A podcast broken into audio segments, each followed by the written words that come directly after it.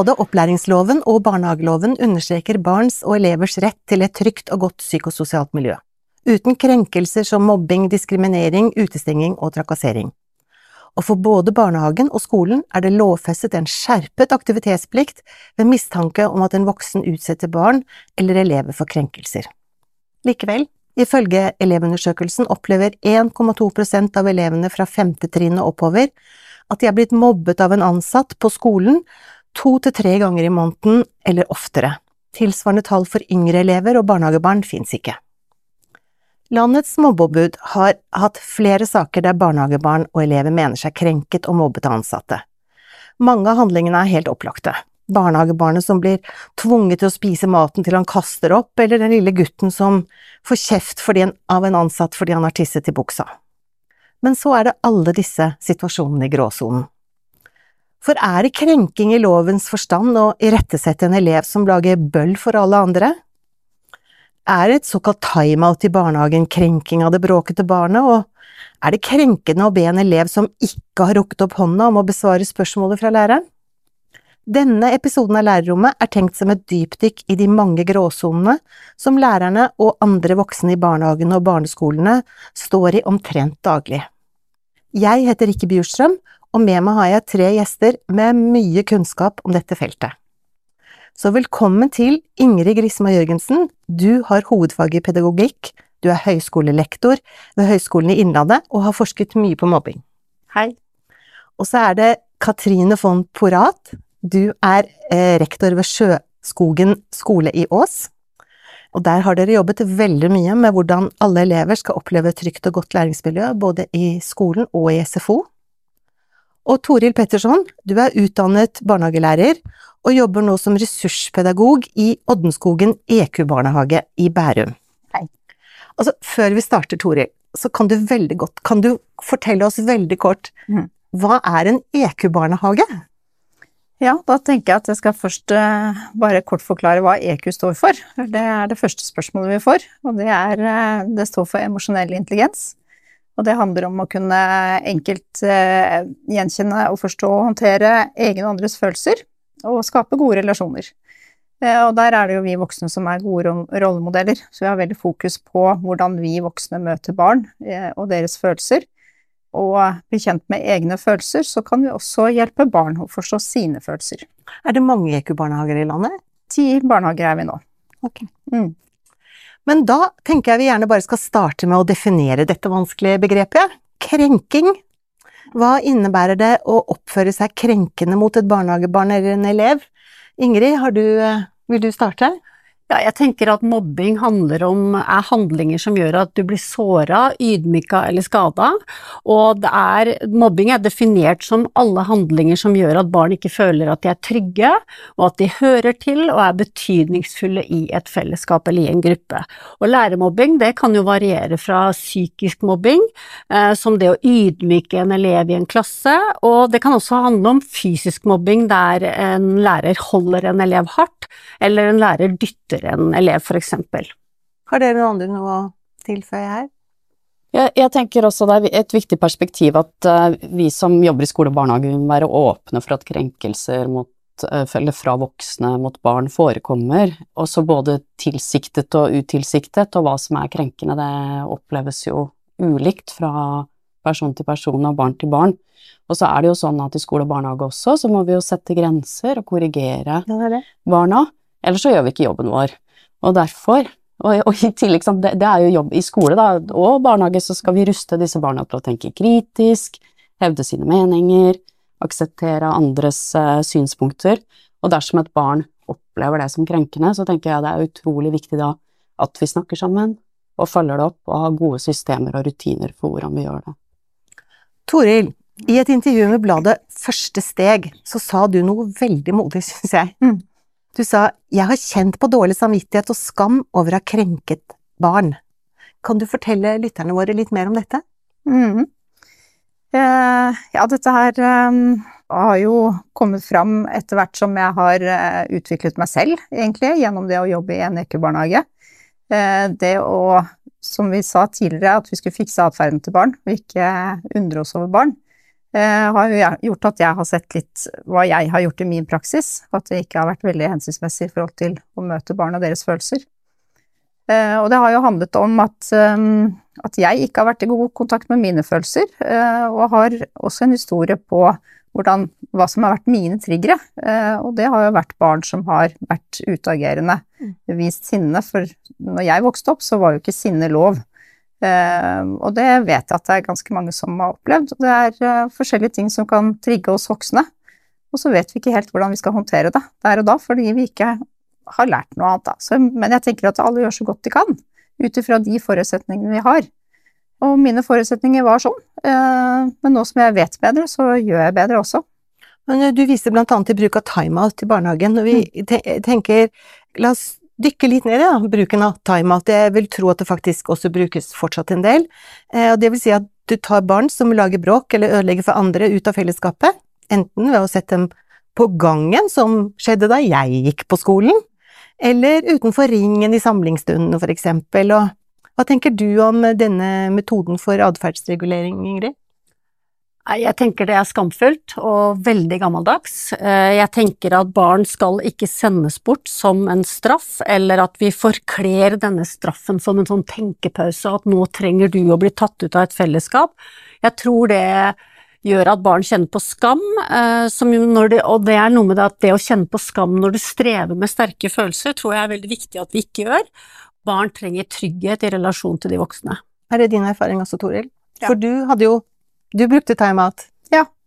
Eh, og det handler litt om at eh, jeg var nok ikke helt klar over hva, eh, hvordan barns utvikling var i forhold til hjernens utvikling. Etter hvert som jeg har lært mer om det, så, så går det ikke an å snakke om fornuften til barn. At de skal sitte og tenke seg om hva de har gjort. Um, det går jo ikke. Men det å nå møte barns følelser og undre oss over hva handler denne atferden om, det er det vi har fokus på nå. Men når du snakker om barn, er vi da på barnehagebarn, eller kan du gå lenger opp i småskolen og barneskolen også ved at du ikke kan appellere til fornuften, tenker dere? Ja, det tenker jeg er viktig. Å tenke mm. at det er, gjelder ikke bare barnehagen. Selv om barn er i følelser fram til de er seks-syv år, så, så, gjelder jo dette her enda. Eh, og så vet vi at når et barn er utenfor toleransevinduet, så har vi jo ikke tilgang til den tenkehjernen eh, i like stor grad. Så det også å møte barns følelser istedenfor å snakke til tenkehjernen, er jo alfa og omega, tenker jeg da. Men det er jo et stort dilemma, vil jeg tro, for veldig mange lærere, både i barnehagen og, eller voksne også i barnehagen og, og i, i, skolen, det å balansere hensynet til det enkelte barnet opp mot fellesskapet. Eh, for ett barns oppførsel kan jo gjøre skole- og barnehagemiljøet utrygt for alle de andre. Og Katrine, hvordan kan dette dilemmaet håndteres best, tenker du? Ja, du kan på, si på en skole med 250 elever, da, der alle har rett til en, et trygt og godt uh, skolemiljø. Og så er det jo også elevens egen opplevelse som er avgjørende uh, for om de har det trygt og godt, så er jo det et dilemma. Og det vil jo blant uh, disse elevene alltid oppstå til tider ulike utfordringer i det sosiale samspillet. Og da, igjen, da kommer jeg tilbake til at for å håndtere det dilemmaet, så blir det så utrolig viktig at vi som jobber i skole og barnehage, har en felles forståelse for det systematiske arbeidet som kreves for at alle skal oppleve denne trygge og gode hverdagen. Og da må vi ha klare rutiner eh, for hvordan vi jobber systematisk med å forebygge mobbing og andre krenkelser. Vi må ha tiltaksplaner hva vi gjør dersom vi oppdager eh, mobbing og andre krenkelser. Der tenker jeg at lederne også spiller en uh, enormt stor rolle i forhold til hvordan vi følger opp dette og bygger opp denne kulturen for at alle har denne felles forståelsen. Men hva tenker dere andre, er det viktig å skjerme Lise fra Per fordi hun er redd ham? Dette er jo et dilemma du møter også mye i barnehagen, vil jeg tro, Toril? Ja, det er det absolutt, og jeg tenker at det å støtte de begge to, da, det er en grunn til at Per gjør som han gjør. Eh, samtidig så trenger Lise å få støtte i at eh, den frykten som hun kjenner overfor Per, er viktig å ta, ta på alvor. Eh, men jeg tenker at begge to trenger å bli møtt i den atferden de har, for jeg tenker at atferd er jo et uttrykk for noe, det er jo uttrykk for et behov. Så det å se bak atferden, fremfor bare å se hva Per gjør, og, og definere og handle ut ifra det, da, tenker jeg. Ingrid? Jeg vet at May-Britt Rugli blant annet har forska veldig mye på dette med inagerende og utagerende barn, og at eh, lærere strever i relasjon til både barn som trekker seg inn i seg selv, og barn som på en måte reagerer med sinne og masse følelser utad. Så dette her er komplisert, og det er knytta til relasjonskompetansen vår, og knytta på en måte veldig tett opp til hvem vi er som mennesker, tenker jeg. Og det var veldig fint det du sa i stad, dette med triggere, for jeg tror det er knytta til at vi trenger å ha evne til å regulere egne følelser følelser, og at vi vet hva betyr hva Det jeg putter inn i relasjonen, det er det jeg får ut av, mm. på en måte. Mm. Så, tenker du at et barn som for eksempel i barnehagen, da, i samlingsstunden hvor man leser, plutselig bare begynner å bråke og, lage, og ikke klarer å sitte stille og ødelegge for lesingen av de andre, hva, hva, hva gjør man med det barnet da? Ja, jeg tenker liksom at vi kan bruke et ord som omsorgsfull kontroll her, og at vi tenker liksom på en måte hva trenger han påfyll av nå, hvordan skal jeg bruke, hvilke relasjonelle strategier skal jeg bruke i møte med han nå, hvordan skal jeg bruke kroppen min, blikkontakten min, hva, hva er, det, er det noe jeg kan tenke på i forkant, før dette skjer, hva er det, hva slags rammer skal jeg gi da for gruppa for at han skal finne tilbake til plassen sin og kjenne trygghet og bli sett av en voksen, trenger jeg å gå nær han, legge en hånd på skulderen hans, hva, hva hva slags, hva slags, behov har han, da, på en måte. Mm. Kjenner du igjen i det, Toril? Ja, absolutt, og det er jo sånn vi, vi, jobber veldig aktivt i barnehagen også, det å skape relasjoner, og da trenger vi også å bli kjent med barnet på hvilke behov det har. Eh, hva er det som trigger barnet, og hva er det også som trigger oss voksne ved det barnet? For jeg tenker at vi klarer ikke å være eh, uregulerte voksne. Hvis vi selv er utenfor toleransevinduet, så klarer vi ikke å regulere et barn. Da hjelper det ikke med en rolig, såkalt rolig hånd på skulderen. Eh, når vi innvendig kjenner på et kaos. Så det også å bli kjent med barna i forkant, eh, være proaktive, eh, og hvert enkelt barn, og det tenker jeg vi voksne har ansvaret for. Men vi som så sånn Supernanny og sånn på mm. TV i gamle dager, da var jo blant annet brukt den metoden med å overse barn som støyer eller lager bråk, eller lager bøll, da, som jeg sier innimellom. Og ideen bak ignorering, det er jo at barna skal lære at det å ødelegge, skape støy, ta veldig mye negativ plass, det skal ikke gi dem oppmerksomhet. Så ignorering har liksom vært et ja, en metode, da, mm. som, som, som, er brukt også av pedagoger. Mm. Den er ikke dere veldig for? Nei, det er jeg ikke. Jeg tenker at det å ignorere et barn, eller overse et barn, da overser du også det barna, hva barna har behov for. Og barna har behov for påfyll av trygghet og trenger hjelp til å regulere seg inn igjen i toleransevinduet sitt, og trenger på en måte å forstå at ok, hvordan er det jeg skal på en måte nå klare å delta i lek og læring og aktiviteter igjen, på en måte, og det må du få hjelp til av trygge voksne. Sånn er det bare. Har dere noe å tilføye her? Nei, ja, jeg tenker akkurat det samme. Jeg tenker at det er en, eh, en, metode som ikke fungerer. Eh, det er en grunn til at barn gjør som de gjør, og de trenger å bli møtt på det. Og ved å overse, så enten tillater du det, eh, den atferden, eller så kommer du til å få mer av det, tenker jeg. Det kan jo være at man gjør en avtale med et barn om at man overser, og så vil det jo være graden om den atferden til det barnet krenker de andre, og hvordan man håndterer det. Men eh, jeg, jeg, tenker jo igjen tilbake til det derre eh, å gjøre avtaler i forkant, være i forkant. Eh, du kan ha gjort avtaler både med barna og foreldrene om at det er et tiltak man bruker i klasserommet, nettopp for at du skal legge merke til det som barn gjør som er positivt, og så overser du det som er negativt. Men jeg har jo erfart og vet jo det der å, å snakke sammen, det er en god idé. Mm. Så er det dette med stemmebruk, da. Mobbeombudet i Troms og Finnmark sier til bladet Første steg at når jeg hører en ansatt som er kjempebestemt, så spisser jeg ørene. For er du så bestemt at du skaper frykt, eh, så um, er du i grenseland til å krenke et barn og andre har påpekt at høy stemmebruk og kjefting foran andre er en krenkelse ifølge loven. Og da skal jeg først spørre om dere er enig i det, men så er det noe med hva er dette satt opp mot irettesettelse? For man må jo som lærer kunne irettesette en elev eller et barn, eller Ja, jeg tenker det at det å på en måte kjenne at nå har jeg kontroll i situasjonen, jeg vet hva barna har behov for, jeg vet hvordan jeg skal skape trygghet hos barn. Eh, disse situasjonene tror jeg hvor barna er lei seg, sinte eller nekter å gjøre som en voksen gjør, det tror jeg er en naturlig del av det å jobbe i barnehage og skole. Og en skulle derfor tro at skole og barnehage er stappfull av forskningsbasert kunnskap om dette her, at de vet om hva de skal gjøre.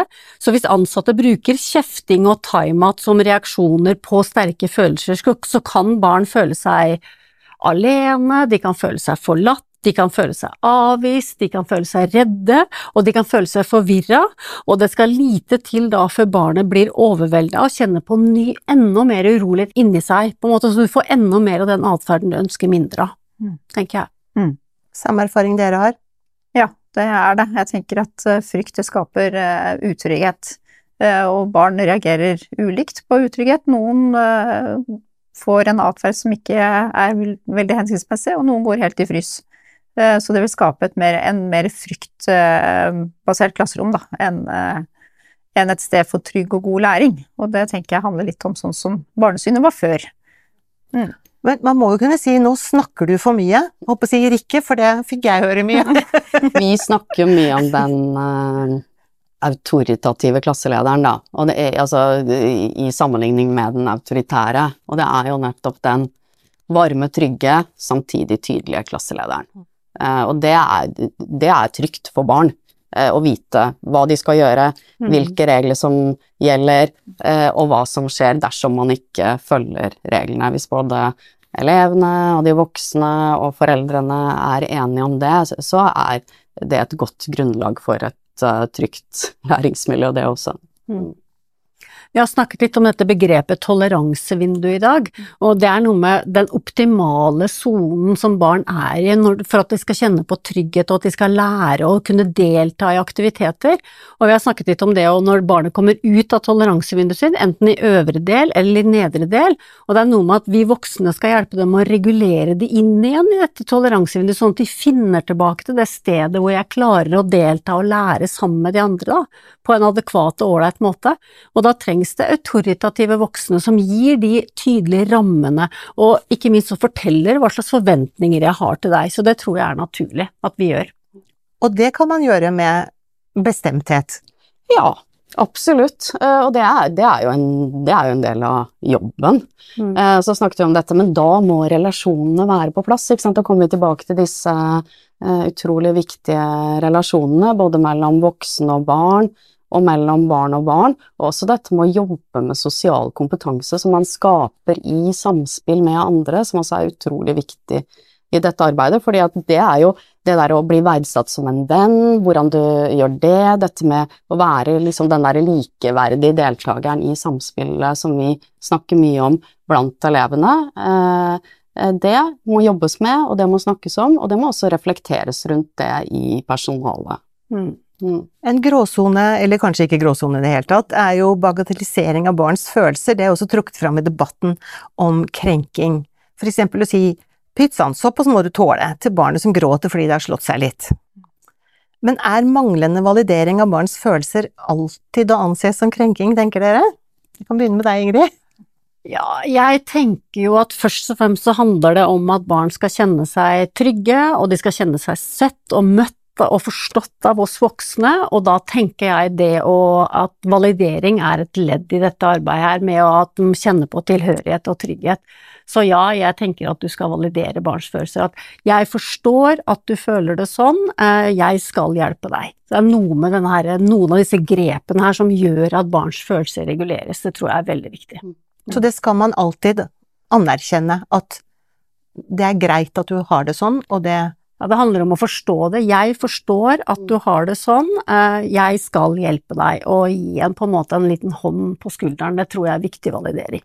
Ja, jeg er helt enig, og så tenker jeg jo at å si til et barn at dine følelser, de er, er riktige for deg, og så mm. trenger ikke det å bety at den eleven som sitter ved siden av har de samme følelsene.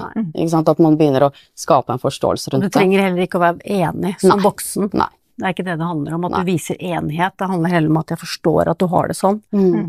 dette var vondt. Ja. Mm. Jeg har litt behov for å, å, snakke litt om det der med å møte følelser også, for det har blitt litt misforstått. At vi skal møte barns følelser, men vi trenger også å hjelpe dem videre. Ja. For vi opplever at en periode så ble det sånn at foreldrene ikke kom seg videre, de kom seg ikke ut av barnehagen, for de skal forstå, forstå, forstå. Men de trenger også hjelp til å komme seg ut av den følelsen. Og da trenger de jo hjelp av oss voksne da, som møter. Ja, jeg ser, eller jeg ser at du har det gøy, så du har lyst til å være her lenger, men nå vil jeg at vi går hjem, sånn at de voksne er eh, tydelige ledere for barna, da. Mm. Men eh, hva med voksne som sier 'nå ødelegger du for alle'? Skal ikke barn og elever lære at handlingene deres faktisk kan ha negative konsekvenser for andre? Jo, men jeg tenker at det er veldig mange andre ting vi kan velge å si, enn å si 'nå ødelegger du for alle andre'. Vi kan sette rammer og gi, og gi tydelige grenser til barn uten å, uten å bagatellisere det, deres eh, opplevelser, da, tenker jeg. Mm. Ja, det er jo bare å si at se så fint den og den og den sitter nå, dere. Skal vi prøve å få til det? Mm. I motsetning til å si at trekke fram den som ødelegger for de andre, da. Mm.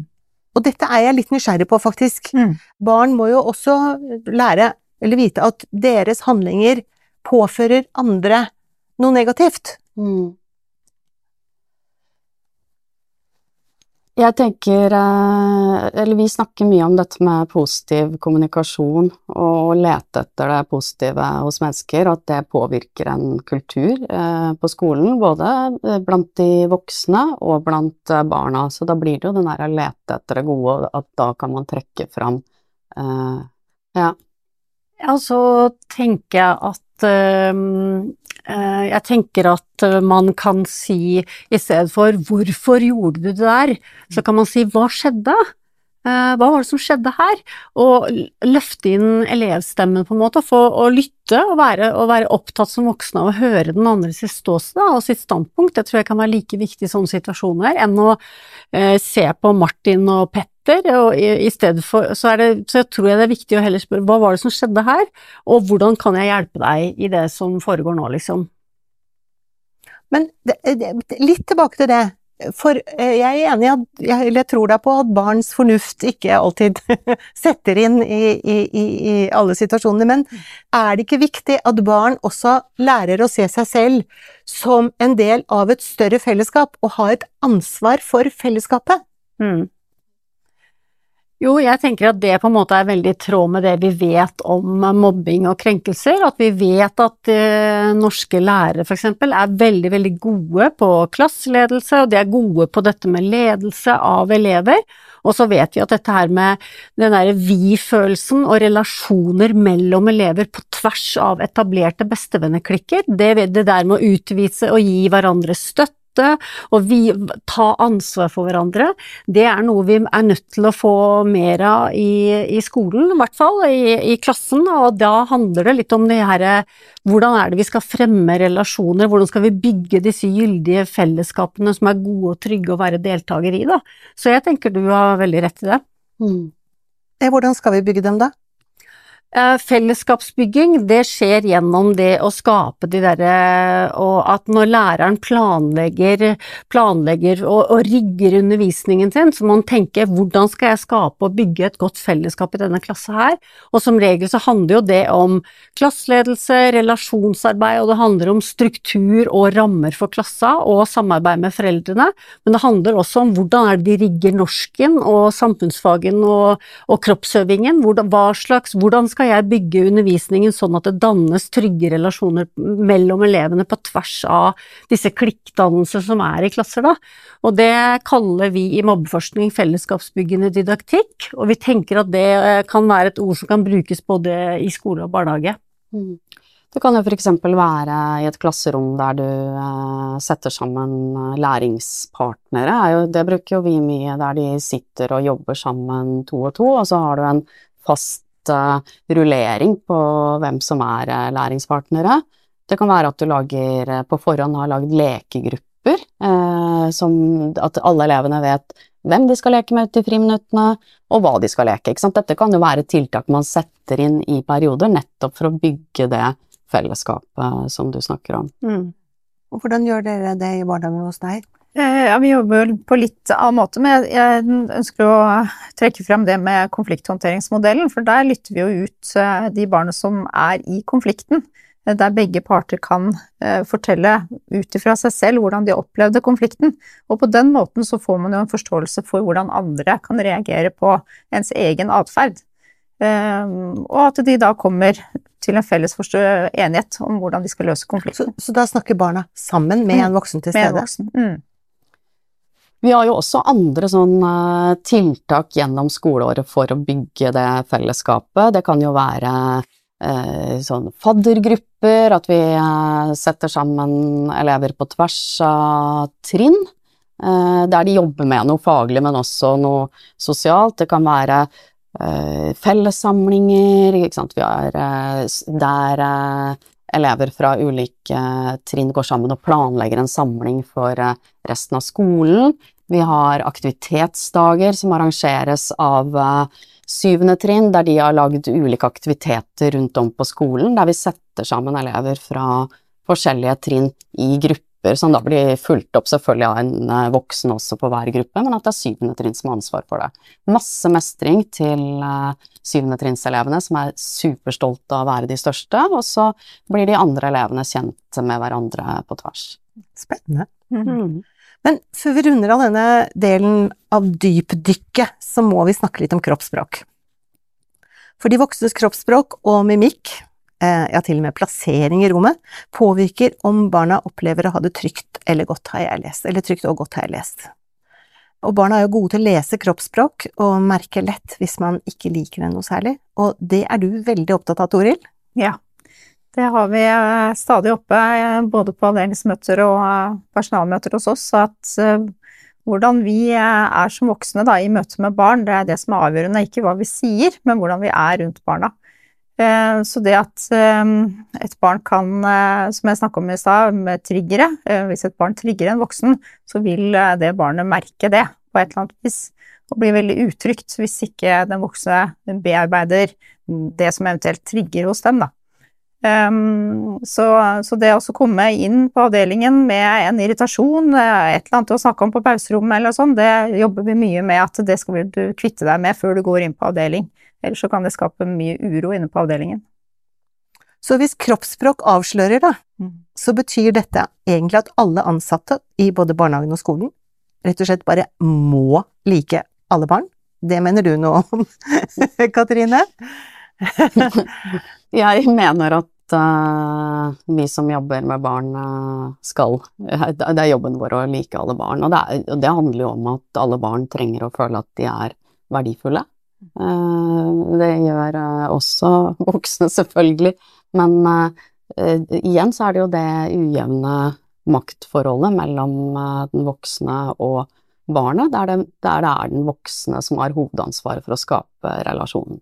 Og så sier jeg ikke at det er så enkelt, men det er nettopp det vi må jobbe med eh, gjennom eh, disse Ja, vi, vi, har jo vært eh, snakka om det med relasjonskompetanse, positiv kommunikasjon, og det du sier med kroppsspråk òg. Vi, vi, må jo reflektere rundt det, for det er jo ikke så, jo ikke så enkelt, men det er eh, jobben vår, da. Ingrid? Ja, jeg tenker at dette er knytta til barnesynet vårt, og til mm. de grunnleggende holdningene og den uh, ryggsekken vi har med oss på en måte inn i skole og inn i barnehagen når vi begynner å jobbe der. Og det handler om, tenker vi egentlig at alle barn vil samarbeide positivt med oss hvis de får mulighet? Eller tenker vi at det er noen barn som er ja, slemme eller aggressive eller er liksom sårbare på en eller annen måte? Tenker vi at barn eh, med vilje gjør ting inn i relasjon med oss, på en måte? Så det handler, det, dette er knytta til barnesynet vårt, og det er veldig viktig at vi setter oss ned og bruker tid på å diskutere. Helt klart. Dette ligger jo også i overordna del eh, der du på en måte skal omfavne at det at mangfold er en ressurs, da. Og det er heller ikke så enkelt i et klasserom med 28 elever, men derfor må du jo nettopp reflektere rundt det hele tiden. Hvordan kan jeg bruke dette mangfoldet til å bygge disse gode fellesskapene i mitt klasserom og på skolen? Og det er kanskje det som er det unike med EQ-barnehagene, at 70 mm, av de ansatte har vært gjennom ett år med EQ-kompetanse, der vi har sett litt om hva som ligger i vår egen bagasje. Hva er det som gjør eh, at jeg kan bli trigget av eh, utagerende barn, eller eh, noen trigges av gråt? Og det handler jo om noe som vi har møtt i vår oppvekst, eh, som ikke har blitt bearbeida. Så, eh, så, vi har gode samtaler om hva er det som skjer inni de voksne. Det er ikke barnas ansvar å endre seg, men vi trenger å endre oss for å gjøre endringer eh, i relasjonen med barn. Og det bringer meg over til en ting jeg også tenkte vi skulle snakke litt om, nemlig disse barna som opplever seg krenket og mobbet av lærerne i skolen og barnehagen. For vi, vi vet jo litt om disse barna, ikke sant. Vi vet at det ofte er gutter enn jenter, og at mange av dem er såkalt sårbare barn eller barn i sårbare situasjoner og med diagnoser. Jeg vet ikke om hvem av dere som kan utdype litt om den kunnskapen vi har om de barna som vi voksne ikke så lett er tålmodige med, da. Mm. Jeg vet at det er barn som sier gjennom elevundersøkelsen at de ikke har det trygt på skolen, og at læreren krenker dem. Og jeg vet også at de her barna her, de er, som du sa, oftere gutter, og det skjer også oftere med eldre barn. Det vil si, det vil si i, i øvre del av ungdomstrinnet, på en måte. Så kan vi jo spørre oss da, hva er årsaken til det? Og så lurer vi jo litt på at um, jeg tenker ofte at læreren krenker elever som strever med ting, fordi, at, eh, fordi de skal prøve å få tilbake kontrollen i klassa si og i gruppa si, og det handla også kanskje knytta til eh, lærerens manglende sånn opplevelse av kontroll. Nå hører du på meg, nå må du gjøre som jeg sier, og når en elev på en måte da strekker strikken langt, så er det kanskje det at da kan det skje overtramp i, i denne relasjonen her, og det Uh, og i Norge jo, viser jo elevundersøkelsen at uh, hvis voksne utsetter elever for krenkelser, så øker også det sjansen for at de krenker andre utafor klasserommet, fordi at læreren er en så utrolig sentral og viktig rollemodell. Og det er så betydningsfullt for elever, på en måte, hvis en lærer bruker sjikane eller ironisering i klasserommet, så legitimerer han på en måte den der, denne måten vi kan behandle Oskar på. Så tenker jeg det er så viktig å se for seg den der betydningsfulle rollemodellen som læreren er, altså, også for elever som strever med utrygghet i skolen. Ja, og jeg tenker i den uh, sammenheng med uh, sårbare barn, så er det jo enormt viktig med Eh, de som jobber, har kompetanse rundt dette med sårbarhetsfaktorer, og at vi har bygd opp et godt lag rundt disse elevene. Eh, det er i forhold til samarbeid med foreldre, også de samarbeidsinstansene vi har i skole, nettopp fordi at det utfordrer en lærer mer i møte med enkelte sårbare barn enn andre barn, og da må vi ha kompetanse i forhold til å vite hvordan vi skal møte disse barna, sånn at de også føler seg verdifulle og som en del av fellesskapet. Mm. Er det din erfaring også, Toril? Ja, og jeg tenker at eh, hvis vi er voksne som eh, har eh, jobber med barn, og hvis vi kan tenke at barn som er vanskelige, har det vanskelig, mm. istedenfor å, å skulle endre atferden til barn, men heller undre seg hva handler dette her om, så tror jeg vi ville ha kommet langt, også med de sårbare barna.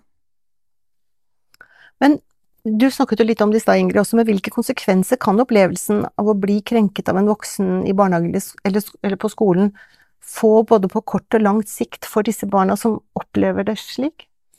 Jeg tenker at dette med trygg tilknytning, og så vi tenker jo på en måte at foreldre er den første primære tilknytninga i et barns liv, og lærer, barnehagelærere og lærere er sekundære, sentrale mm, tilknytningspersoner, så har det veldig, veldig viktige konsekvenser, og det, dette handler om trygghet og tilhørighet, å kjenne at jeg hører til i barnehage og skole, og vi vet at barn som kjenner på utenforskap i barnehage, det har sammenheng med med frafall fra videregående skole og mange utfordringer i relasjoner seinere, sånn at vi veit at det har stor sammenheng og store konsekvenser for seinere fungering. Så det er eh, tilknytning og trygge relasjoner til voksne er veldig viktig. Mm. Men hva vet vi egentlig om de voksne, om lærerne eh, og andre voksne som, som utsetter elever og barn for det de opplever som krenkelser. Tror du de er klar, apropos hva du også var igjennom, eh, er de klar over at handlingene deres oppleves sånn, tror du, Toril? Jeg tror ikke alle er eh, bevisste på det. egentlig. Um, og det i samtaler med foreldre og andre medarbeidere, så er, det, så er, den prosessen som jeg har vært i, i hvert fall, og vi som jobber i Eke barnehage, har jo blitt mye mer bevisst på hva vår rolle egentlig eh, er, og hvor stor påvirkning vi har på barns eh, selvbilde. Da. Og barn speiler seg jo i oss voksne. Så hvis vi eh, fortsetter å ha det gamle barnesynet og definere barn, eh, så er det det synet de vil få på seg selv. Um, så jeg, jeg, tror det handler om at uh, vi voksne ikke er bevisste nok på, på, at det vi sier og gjør, kan ha stor påvirkning for barn. Hva tror du, Ingrid? Tror du at de voksne vet hva de gjør? Jeg tror det er litt sånn todelt, for jeg tenker at vi alle sammen har stått i en situasjon hvor vi har blitt for sinte, blitt for, vi har blitt store og sterke i situasjonen, og vi har tenkt at her er det jeg som bestemmer, nå må du høre på meg. Jeg tenker vi alle har stått i den situasjonen, men vi vet når vi har gått for langt. Så jeg tenker at man kan såre og ydmyke barn, nettopp fordi at det er en stor asymmetri i relasjonen, og vi har veldig, veldig stor makt. Vi har veldig store muligheter i den relasjonen, mens barn har veldig få. Så jeg tenker på en måte at eh, det er liksom både og. Vi vet at vi har, eh, vi har vært kan ha vært ufine i relasjonen, men det kan være noen ganger vi bruker ironi eller sarkasme i relasjon til barn, og det går over hodet på, på barna. Det, jeg tenker at det kan være i sånn todelt, altså. Mm. Jeg har lest et sted at alle voksne har det, som dere også bekrefter, har det i seg å krenke et barn. Blir vi trigga nok over tid, så kan vi alle komme til bristepunktet. Og da er det jo veldig viktig hva dere, eller de, gjør etterpå. Ja, hva skal eh, en lærer eller voksen i barnehagen gjøre når de merker at de har gått for langt? Da må vi snakke sammen. Eh, dersom barna, eh, og, eller eleven og foreldrene eh, skjønner at vi som skole vil deres barns beste, så er det et godt grunnlag for eh, videre samarbeid. Jeg tenker også det er aldri for seint å reparere, og det å kunne si unnskyld, også som voksen, at uh, nå gikk jeg over streken, eller nå ble jeg for sint, og ta ansvar for den følelsen som ble skapt i meg som voksen, um, tror jeg gjør mye for barn også, at det blir uh, ja, sett på som uh, likeverdige, men, men, har en god, en god rollemodell i de voksne, da, å kunne si unnskyld. Ja, jeg tror det å reparere relasjoner og holde unnskyldningen ren, det er noe med å gå inn til et barn og si vet du hva, jeg er veldig lei meg for at dette skjedde, det var ikke meningen, og så holde unna den siste delen av setningen som vi har så lyst til å si. Vi har så lyst til å si men jeg hadde ikke blitt så sint hvis ikke du. Eh, så det er noe med å holde unnskyldningen ren og si dette er jeg veldig lei meg for, hvordan går det med deg nå? Og, og prate om det. Det tror jeg er veldig klokt. Hvordan kan skolene og barnehagene jobbe for å unngå da, at barn og elever opplever seg krenket av lærere og andre voksne? Og nå starter jeg med deg, Katrine, for du har vært veldig opptatt av dette i, eh, på skolen din og disse utfordringene der du er rektor. Mm. Eh, ja. ja. Eh, det, jeg sier jo både til lærerne og til elevene og til foreldrene at det å jobbe med læringsmiljø, det er det viktigste vi gjør. Eh, det er en jobb vi må gjøre hver dag gjennom et skoleår. Og der er det jeg som leder eh, som har eh, ansvar for å lage eh, systemer, ha rutiner, og også kommunisere at det er helt uakseptabelt. Altså være tydelig på at krenkende atferd er helt uh, uakseptabelt, at vi tar raskt uh, tak i det. Terskelen for å si fra skal være lav.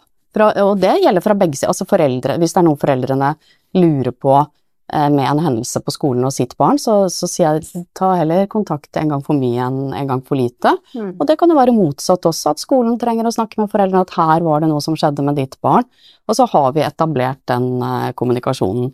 Uh, og, og, og, disse rutinene for hvordan vi jobber systematisk, og så vet vi jo i dag veldig mye om uh, hvilke områder vi må jobbe med for å skape disse trygge og gode læringsmiljøene. Og da kommer vi tilbake til dette med en samarbeidsorientert kultur, der vi er rause, åpne, varme, og det også er felles forståelse om mål. Eh, også dette med arbeid med relasjoner, og det at vi har ledere som også er kobla på det daglige arbeidet og faktisk støtter lærerne i klasserommet på den måten at man kan snakke sammen om det de står i. For, for det er mye å stå i i et klasserom hver eneste dag. Og også dette med at vi skaper det der eh, gode grunnlaget for sosial utvikling og læring både i hele personalet og i hvert klasserom. Og sist, men ikke minst, samarbeid med foreldre. Mm. Toril? Ja, jeg tenker at um, eh, hvis vi kunne hatt en felles forståelse for at alle barn ønsker å få det til, de ønsker å samarbeide, og så er det ikke alltid like lett.